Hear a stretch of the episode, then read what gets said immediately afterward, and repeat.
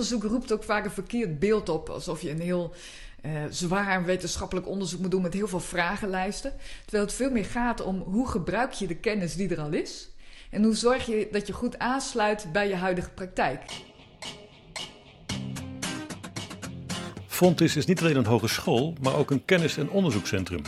Op deze vier domeinen: educatie, economie, mensenmaatschappij en techniek. Zo'n 40 lectoren geven binnen Fontis richting aan het onderzoek dat op deze gebieden plaatsvindt. In deze serie podcast spreek ik met hen over hun onderzoek en hun gedrevenheid, maar ook over waar de innovaties die eruit voortkomen zichtbaar zijn in ons leven. Mijn naam is Bart Gieraats. Leuk dat je luistert naar Fontis Onderzoekt. Dag Anje Ros. Eh, welkom in deze podcast reeks Fontis Onderzoekt. En jij onderzoekt ook namens Fontis uh, en wel op het gebied van onderwijs. Je bent lector goed leraarschap, goed leiderschap bij Fontes Hogeschool Kind en Educatie. Is dat de PABO eigenlijk? Ja, de PABO uh, maakt daar onderdeel van uit. Vijf uh, PABO-locaties. Ja, ja, onderdeel. En dat is, maar er is ook nog iets anders dan PABO. In ja, we hebben ook nog twee masteropleidingen. De master leren en innoveren en de master voor schoolleiders. Oh, kijk. Um, maar goed, dat onderzoek dat moet allemaal leiden uh, om de professionaliteit te versterken van leraren en schoolleiders. En om van de school een professionele leergemeenschap te maken. Heb je zelf in het onderwijs gezeten eigenlijk ooit? Uh, nee, ik heb, uh, ik heb zelf geen PABO gedaan. Ik heb zelf onderwijskunde gestudeerd. Maar ik ben wel al vanaf jongs af aan heel erg geïnteresseerd in hoe mensen leren. En hoe kinderen vooral ook leren. En ik heb, Wanneer zeg je dat voor het eerst, dat je daar heel erg in geïnteresseerd was? Wanneer dat voor het eerst was? Ja, je, je, was altijd al geïnteresseerd, maar hoe merk je dat, dat je daar geïnteresseerd nou, bent? ik heb zelf natuurlijk ook onderwijs genoten toen ik jong was. En wel altijd gemerkt van ja, volgens mij moet het uh, beter kunnen, moet het anders kunnen, waardoor je meer leert. Waar liep je tegenaan? Uh, bijvoorbeeld dat ik, ik wist al dingen en dan werd het toch nog weer verteld. Of het was ook werkvormen waarvan ik dacht van ja, dit is eigenlijk uh, niet zo interessant op deze manier. Het zou toch veel leuker kunnen. Je blijft zo lang stilzitten in die schoolbanken. Wat, hè, wat steek je daar nou van op uiteindelijk? Soms als ik zelf even door het boek bladerde, dan wist ik veel meer dan zo'n hele ochtend die we dan les hadden gehad met name het voortgezet onderwijs, dat was uh, voor mij echt wel ja, weinig motiverend. Het leuke was in de pauze, zoals we altijd zaten te klaverjassen. Maar uh, het onderwijs zelf verder was niet zo heel erg motiverend. En er werd niks mee gedaan. Want uitte je die kritiek ook? Zei van, uh, nee, kom op. nee dat, daar werd ook nooit naar je gevraagd. Dacht, wacht maar, tot ik lector ben. nou nee, dat dacht ik toen nog niet. Ik wist eigenlijk niet zo goed wat ik toen wilde gaan worden. Maar uiteindelijk ben ik pedagogiek en onderwijskunde gaan studeren in Groningen. En daar heb ik vooral ook voor de richting onderzoek gekozen. Omdat ik dacht van ja, daar. Ik vind het wel heel interessant om te kijken van hoe kunnen we nou echt goed onderwijs geven? Wat maakt nou uh, goed onderwijs? Wat is nou goede kwaliteit? Hoe kunnen leraren zo handelen dat ze leerlingen echt motiveren om het beste uit zichzelf te halen? Ja, het, is een, het, het speelt, speelt enorm. Hè? En als je het dan hebt over de professionaliteit en dat te versterken van leraren en schoolleiders. En dan zie ik al de rollende ogen voor me van allemaal leerkrachten die zeggen: Oh god, dan heb je weer zo'n zo'n wetenschapper die ons komt vertellen hoe we het moeten doen. Hè? Uh, dat we allemaal niet goed aanpakken. Ken je dat soort leerkrachten? Ja, dat herken ik ook heel erg, ja. dat ze zo denken. En wat zeg je dan? Ik ben ook niet zo echt zo iemand die zegt wat zij moeten gaan doen. Dat ze beter moeten gaan rekenlessen, instructie geven of dat soort dingen. Zo'n zo'n lector ben ik niet. Ik uh, kijk veel meer met hen hoe ze zelf beter kunnen leren en zelf meer in hun kracht komen, uh, komen te staan. Ik heb uh, heel erg gekeken, ook, ook, onderzoek gedaan naar wat maakt nou een goede leraar. En ook, ook, natuurlijk in het licht van de PABO, om te kijken van wat moeten we onze leerkrachten in opleiding leren. En uh, van daaruit ook gekeken van ja, wat heeft nou een leerkracht nodig om zich voortdurend te verbeteren? Om voortdurend te kijken van hé, hey, wat gaat er al goed en wat kan ik nog aanpassen? Want waar schieten ze tekort? Misschien is het nou, ik zou niet zeggen, uh, het, het, dat, het klinkt altijd zo negatief. Ik vind dat we echt hele goede leerkrachten in Nederland ook hebben. Nou dan. Maar het is ook belangrijk om je onderwijs weer voortdurend aan te passen aan wat leerlingen op dit moment weer nodig hebben. Hè? Bijvoorbeeld in zo'n coronacrisis, dat stelt ook weer andere eisen aan leerkrachten, stelt weer andere vragen. Uh, hoe kun je, je moet voortdurend kijken naar, naar wat kinderen op dat moment, hè, in, uh, wat voor type leerlingen heb je tegenover je. Hoe kun je daar, het onderwijs nog verder verbeteren? En die insteek, dat vind ik heel belangrijk ook om onze PABO-studenten mee te geven. En daar heb ik ook veel onderzoek naar gedaan. En ook met name hele praktische tools ontwikkeld. Praktische handvatten, een scan, een goede voorbeelden, een, uh, boeken ook voor leerkrachten die echt heel erg praktisch en concreet zijn hoe je dat aan kunt pakken. En, maar vervolgens ook gedacht van ja, maar wat hebben nou die leerkrachten nodig om dat ook hè, in een schoolorganisatie samen te doen? Waar, begin je dan? Hè? Je gaat het onderzoek doen en ga je dan, nou, je gaat naar school en dan denk je, nou, dat kan wat verbeteren. Het is niet professioneel genoeg. Nou, ja, dat, dat, klinkt weer zo negatief. Nou, dus de professionaliteit meer... staat erin. Dus ik denk, nou, dat is wel... Um, ik zou veel liever kijken, wat positief, wat zo gaan, staan we er ook in met onze scholen, om te kijken van uh, waar liggen de kansen om jezelf voortdurend te verbeteren? Hoe word je een lerende organisatie? Dat soort ja. gesprekken hebben we met scholen. En dan kijken we bijvoorbeeld ook met de schoolleider wat die voor rol kan hebben om, nou ja, om ook uh, het, uh, het beroep van de leraar uh, aantrekkelijk te maken en, en ook een veilige leerplek ook voor leraren. En komt dat van de scholen vandaan, die vraag? Van kom nou eens bij ons, want we we willen toch iets meer de kans grijpen om het anders te doen? Ja, die komt zeker ook van de school. Er is ook bij schoolleiders een enorme behoefte om te kijken hoe ze ja, ook het, eh, het werk van leraren zodanig kunnen inrichten. Want er is natuurlijk ook heel veel werkdruk in het onderwijs, heel zware belasting en ook heel veel kansen om het nog beter te doen. Waar liggen dus, de kansen? Nou, bijvoorbeeld om uh, het onderwijs nog beter af te stemmen op uh, de behoeften van leerlingen. Om te zorgen dat leerlingen meer gemotiveerd nog zijn om bijvoorbeeld de feedback aan uh, leerlingen nog te verbeteren. Uh, om de kansengelijkheid uh, voor leerlingen nog verder te vergroten. Dus daar liggen ook best nog mogelijkheden. En die voelen leerkrachten ook. Ik vind met name het basisonderwijs, waar ik vooral voor werk, vind ik best een hele enorm innovatieve sector. Alleen de wijze waarop ze die innovaties aanpakken, die is niet altijd zo effectief en efficiënt. Dus ze starten heel veel nieuwe dingen, maar dat beklijft niet altijd. Vaak vallen ze dan weer terug omdat het eventjes niet werkt, omdat ze ook iets hebben aangepakt en daar vooraf niet zo heel goed over hebben nagedacht soms, omdat ze gelijk naar een oplossing toe gaan.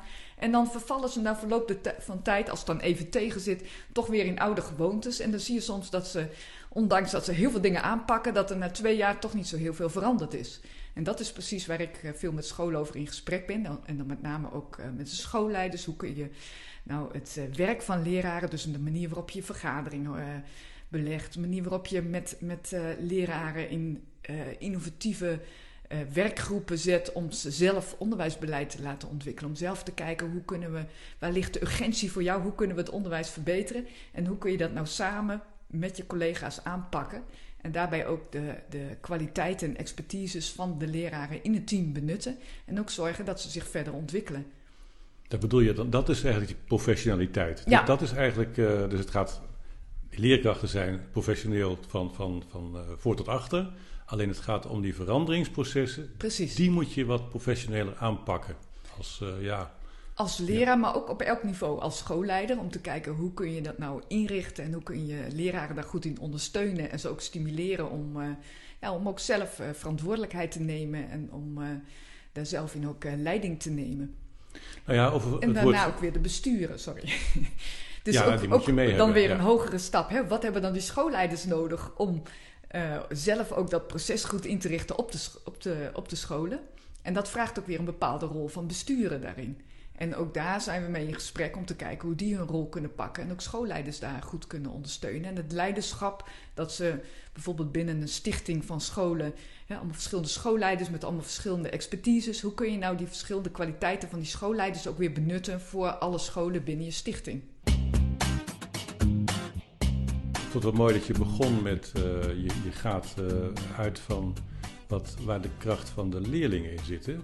Wat kinderen leuk vinden, waar de interesses liggen. En die pak je op als school, als uh, overkoepelende organisatie van schoolorganisatie. Uh, maar het begint eigenlijk bij die kinderen. Ja. En eigenlijk zouden die ook een soort verantwoordelijkheid moeten voelen van, ah, we doen het samen. In dat schoolgebouw zijn we onderwijs aan het doen. En um, is dat ook een onderzoeksvraag van hoe krijg je kinderen zover dat ze ook dat op een verantwoorde manier doen. En niet zeggen van ja, ja. we willen de hele dag uh, FIFA voetbal spelen. Ja, precies. Wat belangrijk daarbij is, wij noemen dat intrinsieke motivatie. Dus dat, dat kinderen echt van zichzelf gemotiveerd zijn om iets te ondernemen. Waar ze dingen van leren. En ze ook eh, ja, het gevoel hebben dat ze, uh, dat ze leeractiviteiten ondernemen, wat, wat, die er ook echt toe doen, die ook echt belangrijk voor hen zijn. En daar kun je ze heel erg in meenemen door ze te laten zien hoe belangrijk het is voor de rest van hun leven als ze bepaalde dingen leren. En dat maakt ook dat ze er veel meer zelf voor kiezen. En die zelfsturing van leerlingen, dat is een heel belangrijk uitgangspunt in het onderwijs. En je ziet ook dat alle scholen daarmee een, een, eh, een ontwikkeling in doormaken. Ook bijna allemaal zijn de scholen op dit moment bezig om zich in die richting te ontwikkelen. Maar dat vraagt ook weer een hele andere rol van de leraar. Je moet heel veel loslaten. Ja, precies. Je nou. wordt veel meer een coachende rol. Maar je wilt tegelijkertijd wel dat ze de goede dingen doen en dat ze dat de kwaliteit bewaken. En het grappige is dat precies hetzelfde proces, dat zie je bij schoolleiders. Die willen ook veel meer verantwoordelijkheid en intrinsieke motivatie bij de leraren leggen, zodat ze zelf verantwoordelijk zijn voor de onderwijsinnovaties en de onderwijsverbeteringen in een school. Maar tegelijkertijd willen ze ook wel natuurlijk die kwaliteit bewaken. Dus er zit voortdurend een spannend spel in van sturen en loslaten. En tegelijkertijd mensen meenemen in de bedoeling, de kinderen, van waar, waartoe leer je? Of de leraren, wat is goed onderwijs en waartoe uh, handel je? En hetzelfde geldt ook weer voor die besturen, hoe ze die schoolleiders op een goede manier mee kunnen nemen en daar de verantwoordelijkheid op leggen waar dat, uh, waar dat kan, maar tegelijkertijd wel ook de kwaliteit bewaken. Ja, en uh, dat, dat kinderen ook het idee hebben van yes, wij hebben hier aan meegedaan. Ja. Kun je dat, zo'n intrinsieke motivatie, is dat um, hoe, hoe peil je dat als leraar? Hoe zie je dat? Is dat, uh, is dat te meten? Je kan het vaak zien aan leerlingen of ze echt uh, eager zijn, of ze echt enthousiast zijn, of ze echt. Uh, je kan het vaak aan de ogen zien of ze, of ze iets willen leren of dat ze eigenlijk zijn afgehaakt. En het mooie van die intrinsieke motivatie is wel dat je daar als leraar ook heel veel aan kan doen om dat te bereiken. Door leerlingen meer zelfsturing te geven, dus meer ruimte om zelf keuzes te maken. Dat ze het gevoel hebben dat ze echt ook zelf uh, mogen bepalen wat ze doen. Dat zit natuurlijk wel altijd binnen de kaders van de, de leerdoelen waar je voor staat. Maar daarnaast ook om ze zelf het gevoel van competentie te geven. Dus het gevoel te geven dat ze het ook echt kunnen en dat ze voldoende ondersteuning krijgen als het eventjes uh, tegen zit. En, maar, en ook die relatie is ook heel belangrijk. Dus dat je echt het gevoel hebt van uh, we mogen fouten maken, we kunnen ons kwetsbaar opstellen. We, het gevoel van vertrouwen, het gevoel van dat ze echt begrepen wordt, dat die leraar echt moeite doet om die leerling goed te begrijpen. Dat zijn allemaal hele belangrijke factoren om die intrinsieke motivatie te bevorderen. En wat nou, wat nou grappig is, is dat hetzelfde ook weer geldt voor die schoolleider richting die leraren. Ook daarvoor geldt dat die leraar, voor leraar belangrijk is dat ze zelf invloed kunnen uitoefenen op de leeractiviteiten, hoe ze die verbeteren voor zichzelf, uh, hoe ze met elkaar uh, het onderwijs verder ontwikkelen.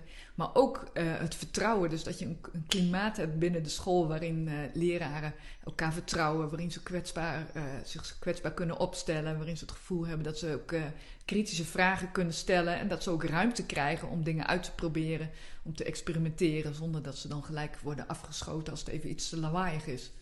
Dus dat ja. zijn ook voor die leraren zijn dezelfde factoren voor, van belang.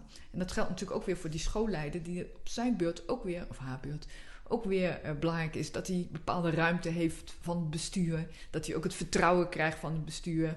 En dat hij ook uh, ja, daar een goede relatie mee heeft. En ook het gevoel van competentie. Dus dat hij ook het gevoel heeft dat hij het aan kan. Heb je daar een mooi voorbeeld van? Van hoe zo'n, hoe zo'n proces is gegaan? Van, uh, want kijk, volgens mij, ik, ik dacht professionaliteit, uh, je moet eigenlijk zo'n, zo'n verandering op een goede manier borgen in een hele ja. organisatie. Of het nou de school is of de gemeente. Ja, ik ben zelf ook betrokken bij, uh, bij scholen die het onderwijs echt op een andere manier aanpakken. En daar zie je bijvoorbeeld dat leraren uh, leerlingen ook echt veel meer ruimte geven om ook zelf mee te denken over wat voor leeractiviteiten ze doen. En Hoe doen ze dat? Is dat dan van, jongens, het... gaan ze in een kring zitten? Wat nee, nee, nee. Nou... Ja, veel meer met te kijken waar zit jij in je, in, je, in je leerproces, in je ontwikkeling. En wat is voor jou de volgende stap? En omdat je leerlingen daar van jongs af aan niet meeneemt, hebben die leerlingen, die krijgen ook steeds meer zelfgrip op uh, wat is voor mij de volgende stap? Wat is de ontwikkeling die ik doormaak? Wat zijn leerdoelen waar ik aan kan werken? Omdat ze ook steeds beter uh, beeld krijgen van wat ze zelf al wel kunnen en wat ze nog niet kunnen. Dat is heel individueel eigenlijk, hè? Dus eigenlijk wel. Per kind eigenlijk, van wat, wat, wat, heeft die, wat heeft ze nodig eigenlijk? Ja, precies. Maar daarna zorg je wel weer dat zegenen die dan op hetzelfde, met dezelfde leerdoelen aan de slag gaan, of op hetzelfde niveau zitten, dat je die weer clustert en dat die ook vooral samen leren. Want dat is ook een heel belangrijk aspect. Soms hebben scholen, dan zie je dat, dat het heel erg leidt tot individueel onderwijs. En dat is juist de kant die wij, denk ik, eh, vinden dat het niet op moet. Maar dat vinden ook de meeste scholen dat het niet die kant op moet. Dus het is wel ook weer de kunst om die dan weer te verbinden. En ook leerlingen weer in groepjes uh, aan bijvoorbeeld opdrachten te zetten. Waarbij de ene leerling die bereikt daarin een heel, hoger niveau, die gaat daar veel meer de diepte in. En andere leerlingen die doen meer het minimum wat daarvoor nodig is. Een hoger niveau doen we, noemen we dan een ander niveau. Hè? Nou ja, precies. Het, is wel een meer dieper niveau. Dus in die zin is het wel hoger niveau. ja, het is relatief. ja, precies. Ja. Ten opzichte van... Uh, dieper en hoger, ja. ja hoe uh, tegenstrijdig wil je het hebben. ja, precies. Um, uh, je bent in 1994 gepromoveerd. Ja. Op een, nou, gefeliciteerd nog. een tijdje geleden. Op het thema coöperatief leren. Uh, is dat dit ook, coöperatief leren? Is dat ook hoe je dat... Uh... Coöperatief leren, dat gaat erom dat leerlingen met elkaar, van elkaar leren. En hoe je dat op een goede manier kunt organiseren als leraar. Daar ging mijn onderzoek naar. Dus uh, samenwerking tussen leerlingen, dat kan echt heel effectief zijn. Als je echt van elkaar leert en met elkaar de diepte ingaat en discussies voert. En echt het hebt over het thema waar het om gaat. Maar het kan ook heel inefficiënt zijn dat het heel erg leidt tot uh, uh, ja, allerlei gesprekken over taakverdeling. Of de een die lift mee met de ander en die, kijkt, die mag de, de plaatjes inkleuren. Dus het kan ook tot hele inefficiënte processen leiden. Het echte dus leven lijkt het wel, hè? Ja, precies. Dus het is heel belangrijk. Leer je ook van? Ja, dat kan. Maar als je het steeds op die manier gaat, dan leer je toch niet de dingen waar het echt om gaat. Natuurlijk is het ook belangrijk om heel goed te leren samenwerken. Want dat is ook een hele belangrijke vaardigheid. Maar als je samenwerken leren toepast, dan ga je samenwerken ook om andere inhouden te leren. Bijvoorbeeld iets over uh, geschiedenis of iets over uh, uh, rekenen. En dan is het ook belangrijk dat je dat op een effectieve en efficiënte manier organiseert als leraar. Dus dat je dan juist heel verschillende kinderen bij elkaar? Om soms, soms juist, juist, juist wel. Totaal andere inzichten te horen. Omdat dan kan de ene de ander goed helpen. Bijvoorbeeld bij rekenen kan dat efficiënt zijn om uh, juist leerlingen van verschillende niveaus en om ze een maatje te geven. Dan kun je, kan die leerling veel meer uh, instructietijd uh, krijgen, omdat er veel, hè, dat hij veel, een leerling veel meer tijd eraan kan besteden dan de leerkracht dat kan doen. Maar wat uit onderzoek blijkt is dat juist de leerling die uitleg geeft, vaak meer leert dan de, dan de leerling die uitleg ontvangt. Want als je uitleg geeft, dan word je eigenlijk gedwongen om heel goed te verwoorden en er goed over na te denken en je kennis die je hebt goed te structureren om te kunnen uitleggen. Dus juist ook voor de, voor de kinderen die uitleg geven, is het uh, vaak nog het meest uh, uh, effectief. Dus je zou eigenlijk dan bij kinderen die, het, die wat, wat minder snel de stof tot zich nemen, die zou je kunnen vragen van nou, leg jij het nou eens uit. Ja. Volgende keer. Ja, zeker. Dan komt het wel door. Dan hebben ze ook echt iets, iets leuks voor te bereiden. Ja, maar het is dus heel belangrijk als leraar om na te denken over uh, wat zijn nou, welke taken zijn nou geschikt om samen te werken. Als er een, iets is met één antwoord en één leerling heeft het dan, uh, die weet het goede antwoord en de rest uh, die denkt dan niet meer na, dan is dat geen effectieve leeractiviteit. Maar dus het, de, de, de, taak is belangrijk, maar ook wie zet je in een groepje? Wat is de dynamiek in een groepje? Dus dat zijn allerlei aspecten die te maken hebben met hoe je samenwerkend leren organiseert.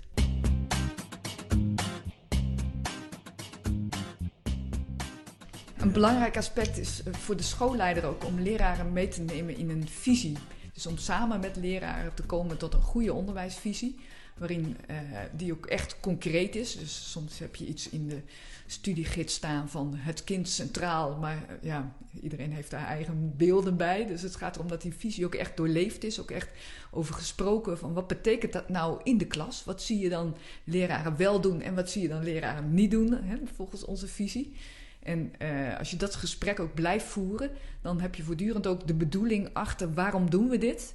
We doen dit niet omdat we ooit een keer hebben afgesproken, maar we doen dit omdat dit op deze, op deze manier beter is voor kinderen.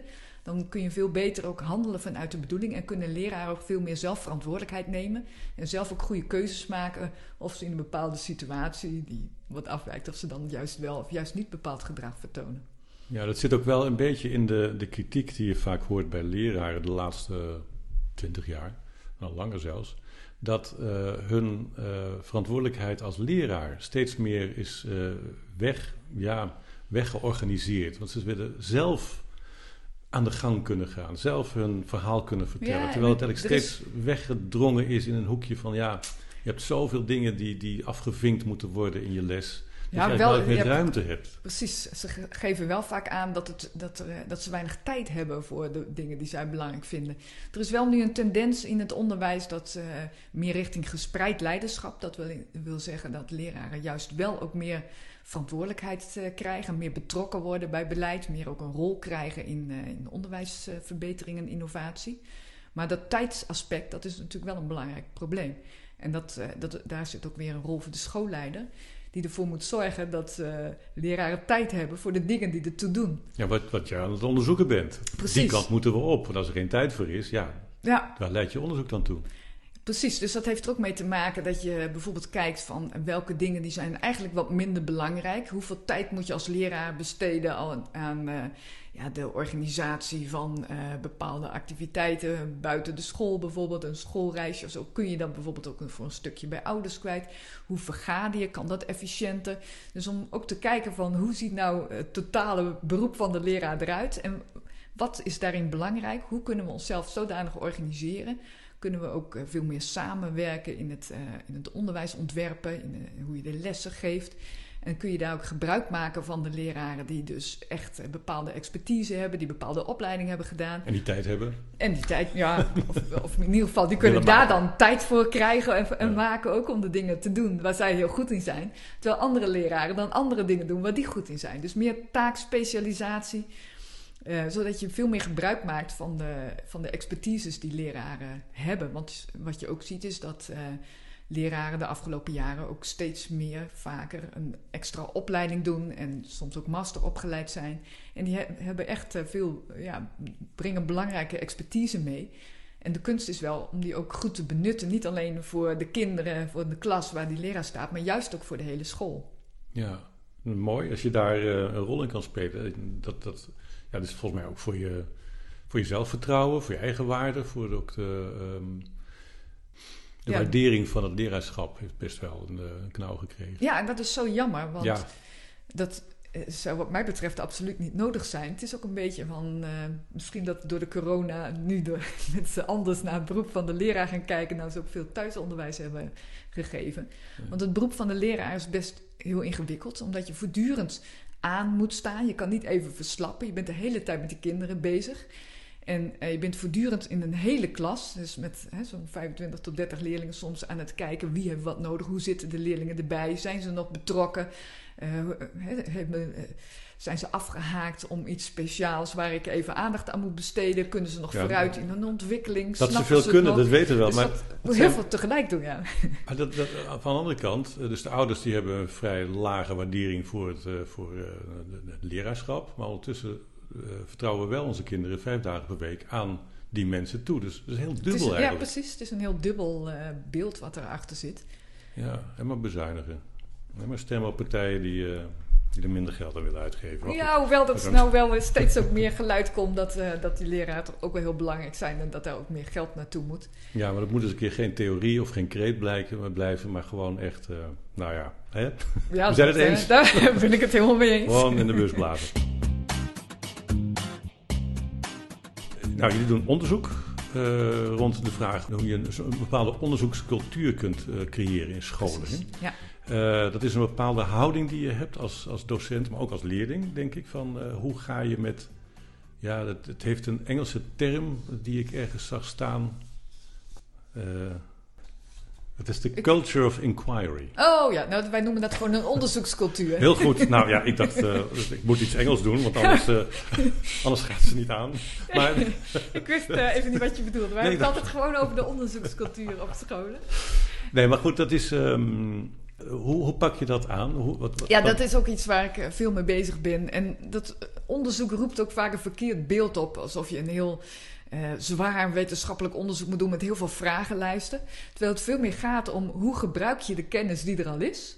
En hoe zorg je dat je goed aansluit bij je huidige praktijk. En daarvoor doe je een aantal interviews en een aantal... eh, kun je eh, een aantal observaties doen als school. Om, met als doel om daarmee ook de juiste interventies, de juiste verbeteracties weer... Maar eh, de school gaat interviews doen met. Zelf, ja. Als, dus ik heb het nu even over eh, de onderzoekscultuur op de school. waarin de school dus zelf op een onderzoeksmatige manier aan die onderwijsverbetering werkt. En dat houdt in dat ze dus gebruik maken van de literatuur die er is, van, van de kennis die er al bestaat. En dat ze uh, kijken van ja, waar staan wij nu door een aantal observaties te doen, door het gesprek met leraren te voeren van wat gaat goed en wat kan beter.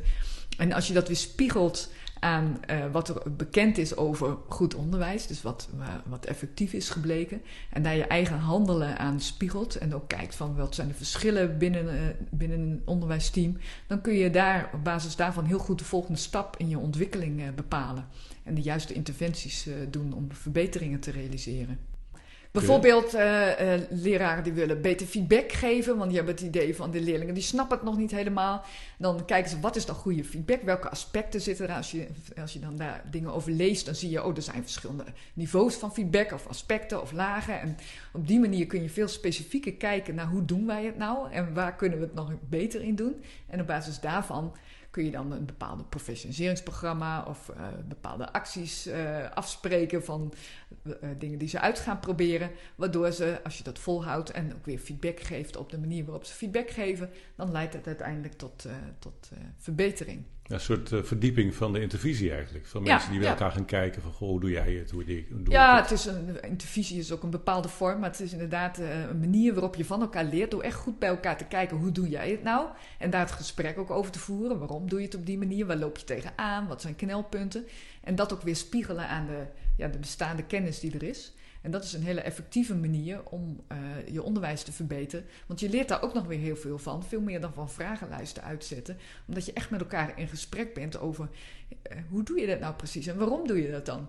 Dus ook die waartoe-vraag. En dat is juist waar, uh, die reflectieve dialoog noemen we dat. Dat is iets waar, ja, waar het is gebleken dat leraren daar juist heel veel van leren. Reflectieve dialoog. ja, is... dus met elkaar echt het gesprek aangaan over onderwijs. En dan het liefst ook dat spiegelen aan wat er al bekend is vanuit de literatuur. Dat onderzoek je? Of is dat een manier die nou, je hebt onderzocht en je denkt, nou, die uh, reflectieve dialoog, dat is eigenlijk een soort oplossing voor een bepaald probleem dat er ligt?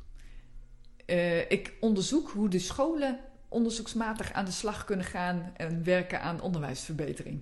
Dus uh, binnen de scholen wordt er op die manier gewerkt. We hebben, daar doen ze ook samen met onze studenten die daar ook weer een rol in hebben. Onze docenten van de PABO-opleiding die daar een rol in hebben. En ik als lector onderzoek dan hoe dat proces gaat en hoe we nog meer van elkaar kunnen leren in die zin.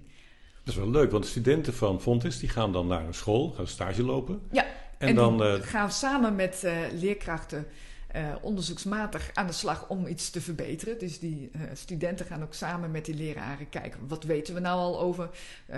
ze willen bijvoorbeeld uh, bepaalde computerprogramma's uh, beter inzetten. Want ze hebben het idee dat er nog te weinig gebruik wordt gemaakt van goede computerprogramma's bij rekenen bijvoorbeeld. Nou gaan ze samen met leerkrachten kijken van wat doen we nu al precies, wat gebeurt er al, wat kan er nog beter, wat blijkt uit literatuur wat effectief is. En stellen dan een aantal verbetermaatregelen voor die dan weer door het team worden uitgeprobeerd of uh, ingezet en dan weer geëvalueerd om te kijken of dat ook echt tot verbetering leidt. Dus, dus je, je, zet echt studenten in om onderzoek te doen op, uh, op scholen. Ja. Vooruitgeschoven posten zijn dat. Ja, eigenlijk wel, maar dan wel niet, doen dat niet in hun eentje, want dat werkt niet. Het gaat er juist om dat ze dat samen met die leerkrachten doen zodat ook uh, ja, ze echt met de goede vragen, hè, dat het echt een urgente vraag van de leraren zelf is en niet iets van de student die daar iets komt doen. En zodat ook die leraren daar uh, voortdurend bij betrokken zijn en ook zelf uh, met die verbetering aan de slag gaan. Want anders is het iets van iemand anders die heeft bepaald dat wij uh, iets betere instructie moeten gaan geven. Nou, dat, dat zo werkt het niet. Juist de, als de rollende de... ogen komen weer naar boven. Ja, precies. precies. het gaat juist om het eigenaarschap bij die leraren te houden. Zodat zij zelf voelen en zien en hebben geleerd. Hier kunnen wij ons in verbeteren. En als we dit doen, dan leidt het ook echt tot uh, andere leerprocessen bij leerlingen. Die wij ook beogen.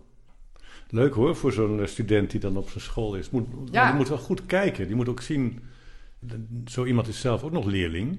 En komt dan op een school en moet dan eigenlijk op een soort metaniveau kijken van... hé, hey, wat speelt hier? Wat zijn ja. hier nou de mechanismen? Waarom gaat iets wel lukken? Waarom gaat iets niet ja, lukken? Ja, die student die, die is niet alleen, leert niet alleen lesgeven... maar die leert ook een teamlid te zijn binnen zo'n professionele leergemeenschap. Dus ook samen met andere leraren te leren en onderzoekend te zijn en kritische vragen te stellen en te kijken, hè, zich af te vragen waarom werkt dit nou wel of niet. Daarbij ook literatuur te gebruiken. Dus echt onderdeel van zo'n proces te worden. En dat is denk ik wel een hele belangrijke vaardigheid die wij studenten ook leren. En die ze ook nodig hebben nu in, in de scholen van tegenwoordig, omdat die echt op die manier ook steeds meer met elkaar aan de slag uh, gaan. Dus dat, ja, dat stelt andere vragen aan, uh, aan zo'n aan zo'n startende leerkracht, behalve dus het gewoon een lesgeven. Ook hoe je daarin goed kunt samen leren en samenwerken en samen onderzoeken met uh, collega's. Ja, dat je gewoon ook een teamlid wordt, ja. niet alleen in je eentje voor de klas staat. je bent enorm ge gemotiveerd om, om het onderwijs te verbeteren.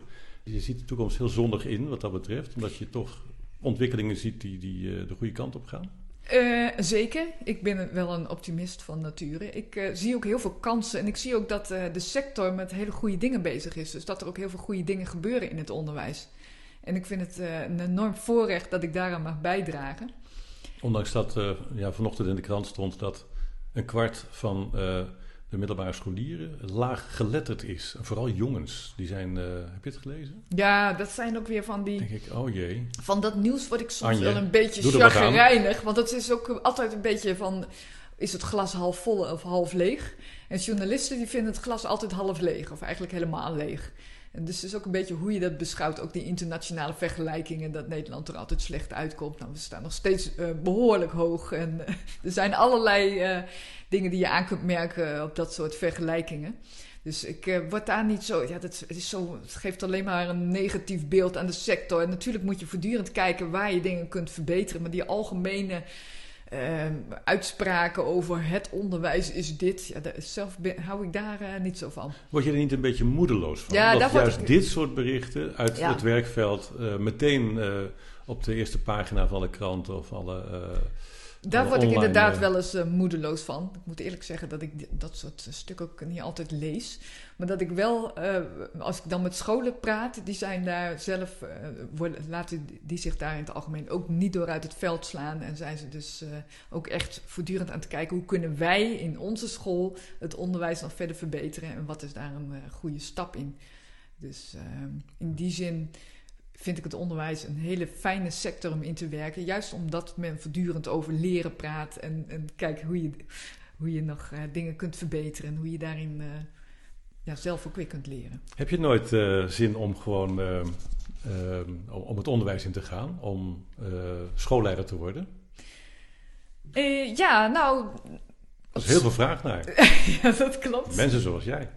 Ik vind het toch leuker om uh, samen met schoolleiders te kijken van wat is, vraag, wat is nou het werk van een goede schoolleider? Wat vraagt het nou van een schoolleider om een goede schoolleider te zijn? En in die zin ben ik ook uh, nauw betrokken bij onze masteropleiding voor schoolleiders. En uh, ook bij de andere opleidingen die we hebben voor startende schoolleiders. Om te kijken van wat hebben die schoolleiders nou nodig om goed zo'n school te kunnen leiden. En ook te kunnen leiden in die veranderingen. En dat vind ik nog mooier dan om zelf schoolleider te zijn. Want dan heb je maar één school waar je invloed op kan uitoefenen. En ja, via bijvoorbeeld zo'n opleiding en via het onderzoek en via alle publicaties, et cetera, die ik uh, heb, kan ik veel meer uh, scholen invloed op uitoefenen. Dus dat vind ik uh, nog leuker. Oké. Okay. Anje Ros, bedankt voor dit gesprek. En nou, succes met je goede werk op de scholen. Dankjewel, graag gedaan.